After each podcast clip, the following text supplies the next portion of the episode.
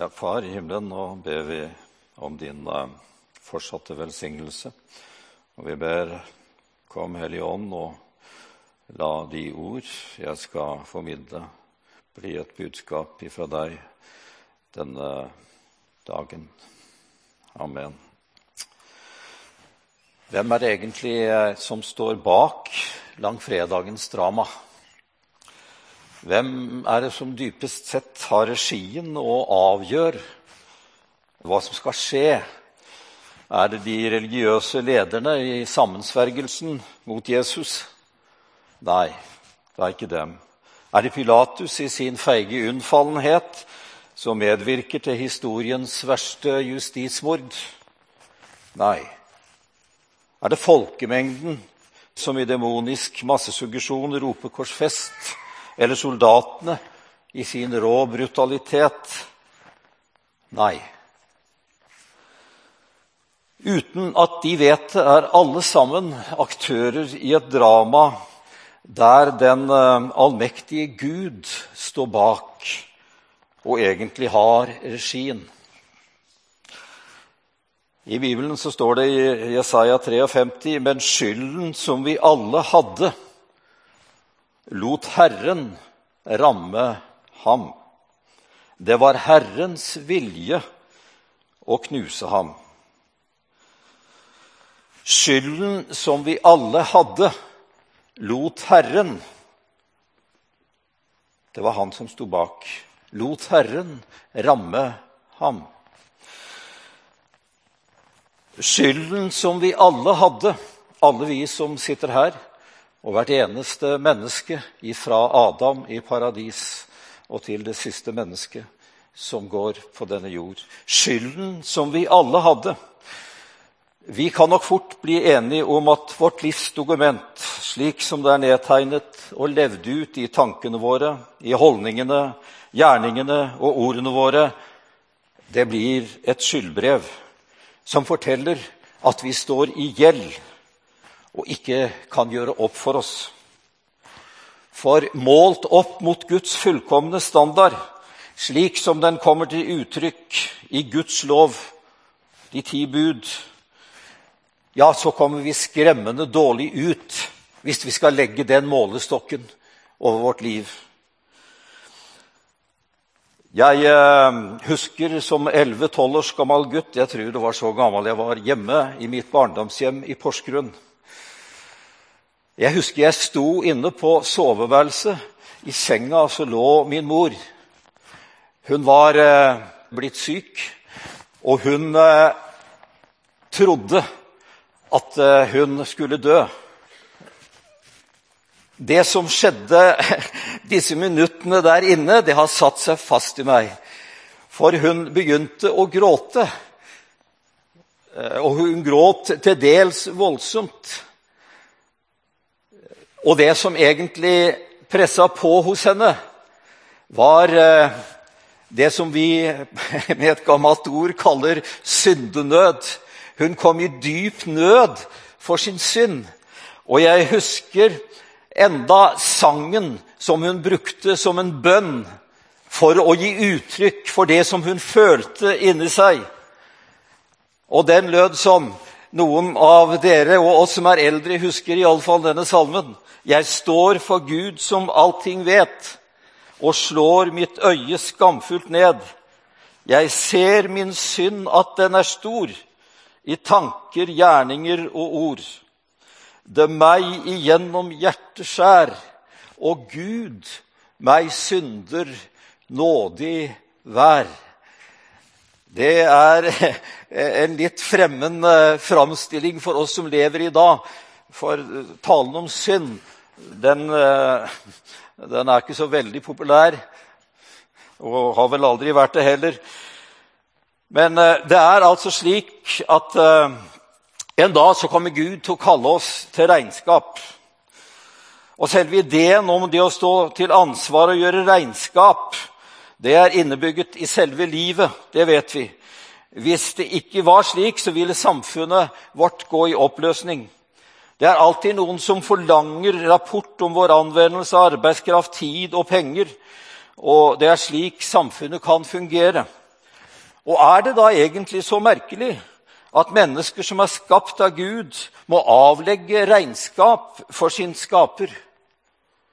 Og du har kanskje merka det, du også, at hele dette gjelds- og skyldsystemet det er på en måte bygget inn i vår personlighet. Hvis vi har gjort noe galt med noen, så sier vi ja, jeg føler at jeg står i gjeld til han eller henne. Eller jeg synes hun skylder meg en unnskyldning. På den måten så kommer det til uttrykk. Og jeg vet ikke om du har tenkt at uh, ditt liv det uh, vet jo Gud om. Og uh, hvis vi leser Johannes' åpenbaring, så står det at Gud kommer en dag til å holde dommedag. Det er også en fremmed tanke for veldig mange i dag. Men en dag så kommer det til å skje. Og på én måte så er Golgata den foregrepende dommedag. Jeg skal komme tilbake til det.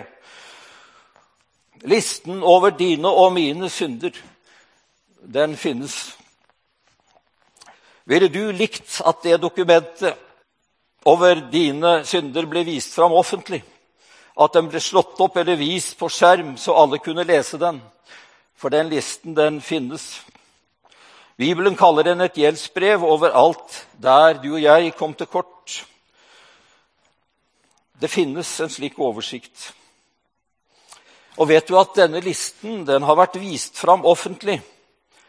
Men du har aldri sett den, og ikke jeg heller. Og årsaken til at den ikke kan vises nå, det skyldes det som skjedde på langfredag. Følg med i tanken ut til Golgata og se idet soldatene dytter tømmermannen ned på bakken og strekker armene hans langs den horisontale stolpen på korset. En av dem presser et kne mot underarmen og en nagle mot hånden. Jesus snur ansiktet mot naglen akkurat idet soldaten løfter hammeren for å slå. Kunne ikke Jesus ha stoppet ham? med et lite rykk i overarmen, for det er jo den, hans hånd, som fikk sjøen til å bli rolig på Genesaret. Det er jo hans hånd som rørte ved de spedalske og helbredet dem, og som renset tempelet. Men neven, den knytter seg ikke. Og situasjonen blir ikke avblåst på Golgata. Hammerslagene lyder, huden brister, blodet begynner å dryppe, og så renner det ned på jorda. Hvorfor gjorde ikke Jesus motstand? Han kunne gjort det. Svaret vårt blir fordi han elska oss. Og det er sant. Det er vidunderlig sant. Men allikevel ikke hele sannheten. Det fins en annen grunn også til at han ikke gjorde motstand, for å bruke det uttrykket. Han så nemlig noe som gjorde at han holdt seg i ro. Idet soldatene presser ned armen hans mot treverket, så snudde Jesus seg mot siden. Og mens kinnet hvilte mot stokken, så så han Ja, han så en hammer. Han så en nagle. Han så soldatens hånd, som var i ferd med å skulle slå inn naglene. Men han så noe mer. Han så Guds hånd.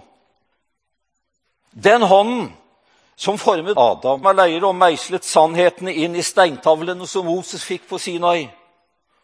Han så Guds mektige hånd. Og mellom hånden og treverket, der var det en liste. Gjeldsbrevet. Listen med alle feilene og syndene våre. Begjæret og løgnene, grådigheten, egoismen, Folkemengden rundt korset de mente at hensikten med slagene var å hamre fast Jesu hender etter korset. Men de hadde bare delvis rett. De kunne ikke se helheten, men det kunne Jesus. Og nå kan vi også se den. For dinglene fra korset henger et helt register over de ulike kategoriene av synd som finnes i våre liv og i menneskets liv. Der, i dagslyset, henger en liste over min synd. Gjeldsbrevet mot oss, står det om i Bibelen. Gjeldsbrevet mot oss. De krav som Gud har på oss, rettferdig. Og du vet, skal Gud være tro mot sitt eget vesen, da må han straffe synden. I sin hellige kjærlighet kan Gud aldri forenes med synd. Og han nærer et hellig hat til synd fordi den strider imot hans vesen, som er kjærlighet og hellighet. Og når Gud er kjærlighet, fullkommen, hellig kjærlighet, så betyr det at han aldri kan si ja til det som strir imot kjærlighetens vesen. Han kan aldri si ja til det som forgifter, besudler og forvrenger og ødelegger det fine som Gud har skapt og harmonien i tilværelsen, slik vi kjenner den, og slik vi også vet at den er ødelagt. Det er ikke sann kjærlighet folk å si ja til egoisme, utroskap, overgrep, vold, drap og misbruk og baktalelse og løgn. For en slik kjærlighet er falsk. Og det er ikke slik Guds kjærlighet er. Gud kan ikke tilgi på den måten at han ser gjennom fingrene og later som om synden ikke er alvorlig og dødsfarlig. Da vil han ikke ta seg selv alvorlig lenger. Da tok han det ikke så nøye med sin rettferdighet og ære, han som er den høyeste ordens makt i tilværelsen. For en tilgivelse uten soning ville bety slutten for hans herredømme da. Gud alene er den part som vi mennesker står i gjeld til. Men på korset så er det han som betaler gjelden og må ut med den skyhøye erstatningen for de synder som vi har gjort. Men han er såret, hør nå, for våre overtredelser, knust for våre misgjerninger. Straffen lå på han for at vi skulle ha fred og ved hans sår har vi fått legedom. Et vidunderlig evangelium.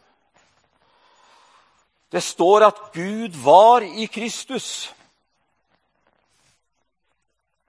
Dommeren selv for den dødsdømte døde. Gud var i Kristus og forsonte verden med seg selv, slik at han ikke tilegner dem deres misgjerninger. Det står i 2. Korinterbrev. La oss gå tilbake til listen som jeg nevnte i stad. Den kan ikke leses. Ordene lar seg ikke tyde. Feilene, de er skjult. Syndene, de er gjemt. De som står øverst på listen, er skjult av hendene hans. De som står lenger nede, er dekket av blodet som renner. Syndene er strøket ut av Jesu blodige hender. Han har tilintetgjort dem. Og hør nå hva Bibelen sier. Gjeldsbrevet mot oss, det slettet han. Det som var skrevet med lovbud, det tok han bort idet han naglet det til korset. Ja, og salighetens gåte. Det er helt ubegripelig, men, men, sånn er det. Det var derfor han nektet å lukke neven. Han så listen, denne oversikten over din og min synd. Det var derfor han ikke motsatte seg soldatenes brutale framferd. For han visste at lønnen for de syndene som du og jeg har gjort, det var døden. Og kilden til disse syndene det var deg og meg. Og siden han ikke kunne klare tanken på evigheten uten deg, ja, så valgte han naglene. Hånden som klemte rundt skaftet på hammeren, var ikke en romersk soldathånd. Kraften bak slagene var ikke den rasende folkemengden. Dødsdommen ble dypest sett ikke avsagt av nidkjære jøder. Det var Gud som sto bak. Og Jesus selv valgte naglene. Ubegripelig, ubegripelig kjærlighet. Og Jesus han var ikke ukjent med hvordan nagler slås inn. Han var tømmermann, og han visste hva som måtte til. Og som frelser forsto han også hva det betydde. Han visste at hensikten med naglene det var å få lagt synden hvor de kunne gjemmes av hans offer og bli utslettet av hans blod. Ja, jeg har lest noen bøker av han Jo Nesbø. Han er jo krimforfatter. Jeg eh, leste, og plutselig så så jeg en setning i en av de bøkene som på en forunderlig måte gir uttrykk for det som jeg har talt om nå. Han har lagt denne setningen i munnen på en av de personene som han fremstiller i boken. Og vet du hva det står der? Nå siterer jeg. Han lukket øynene igjen og ba igjen til sin Gud ikke om å bli befridd fra smertene slik han hadde gjort til nå. Han ba om tilgivelse, om at Jesu blod skulle rense ham fra all synd, om at noen andre skulle bære alt han hadde gjort. Han hadde tatt liv. Ja, han hadde det. Han ba om at han skulle bades i tilgivelsens blod, og så få dø. Ja, det, det, dette sitatet fantes altså i en av de bøkene. Men altså, som jeg sa, bak hånden som slår, så ser Jesus Guds hånd. Disse naglene, det er Guds nagler. Og når Jesus åpnet sine hender for å ta imot naglene, så åpnet himmelens porter seg for deg og meg. Derfor så innbys vi til korset der seiersropet lød 'Det er fullbrakt'. Det er betalt. Det er gjort opp på dine vegne av Jesus. Alt det Golgata bærer i seg, og alt det korset bærer i seg, tilgivelse, frigjørelse, gjenopprettelse, helbredelse, det er til stede her og nå og det kan ved Den hellige ånd bli en opplevd realitet i ditt liv. Hvis ikke du har opplevd det, så kan det det. La meg til slutt eh, ta deg med ned i et fangehull i Jerusalem denne påsken. Der ligger Barabas. Det han har å se fram til, er en forbryters pinefulle død og korsfestelse.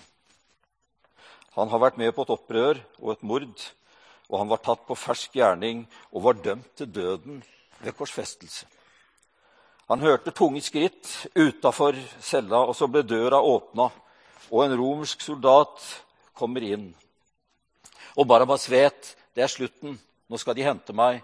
Nå skal jeg korsfestes. Nå skal dommen falle og eksekveres. Og der vil altså hardbarkede soldater hudstryke ham, for han må bære sitt eget kors ut til hodeskallestedet, der slike forbrytere blir henrettet.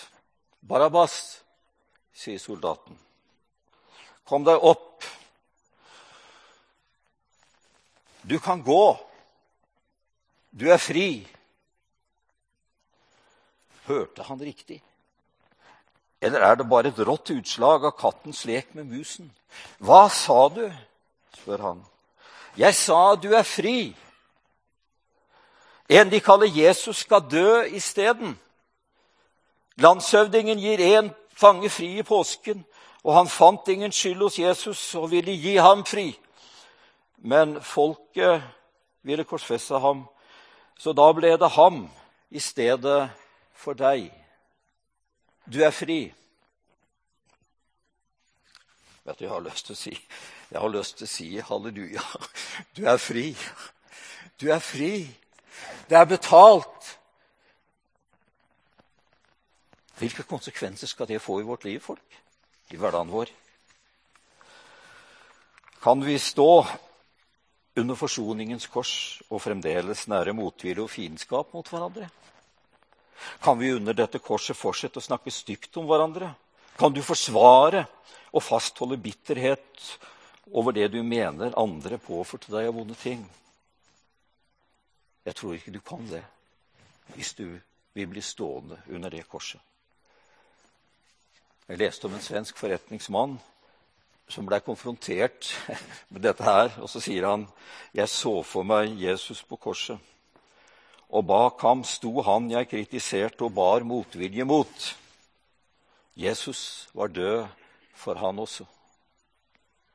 Jesus er død for den person som du har veldig vanskelig med å forholde deg til. Jesus er død for den som har gjort og begått noe mot deg som du nesten syns er utilgivelig. Jesus er død for den personen også. Og Så fortsetter han. Da så jeg at min stygge kritikk traff Jesus og ikke mannen det gjaldt. Jeg sank ned ved korset og gråt som et barn over min synd som han tok på seg. Da forsvant kritikken, og det var Guds løsning på problemet. Guds løsning på problemet, det er Golgata. Det er korset. Det er forsoningen. Amen.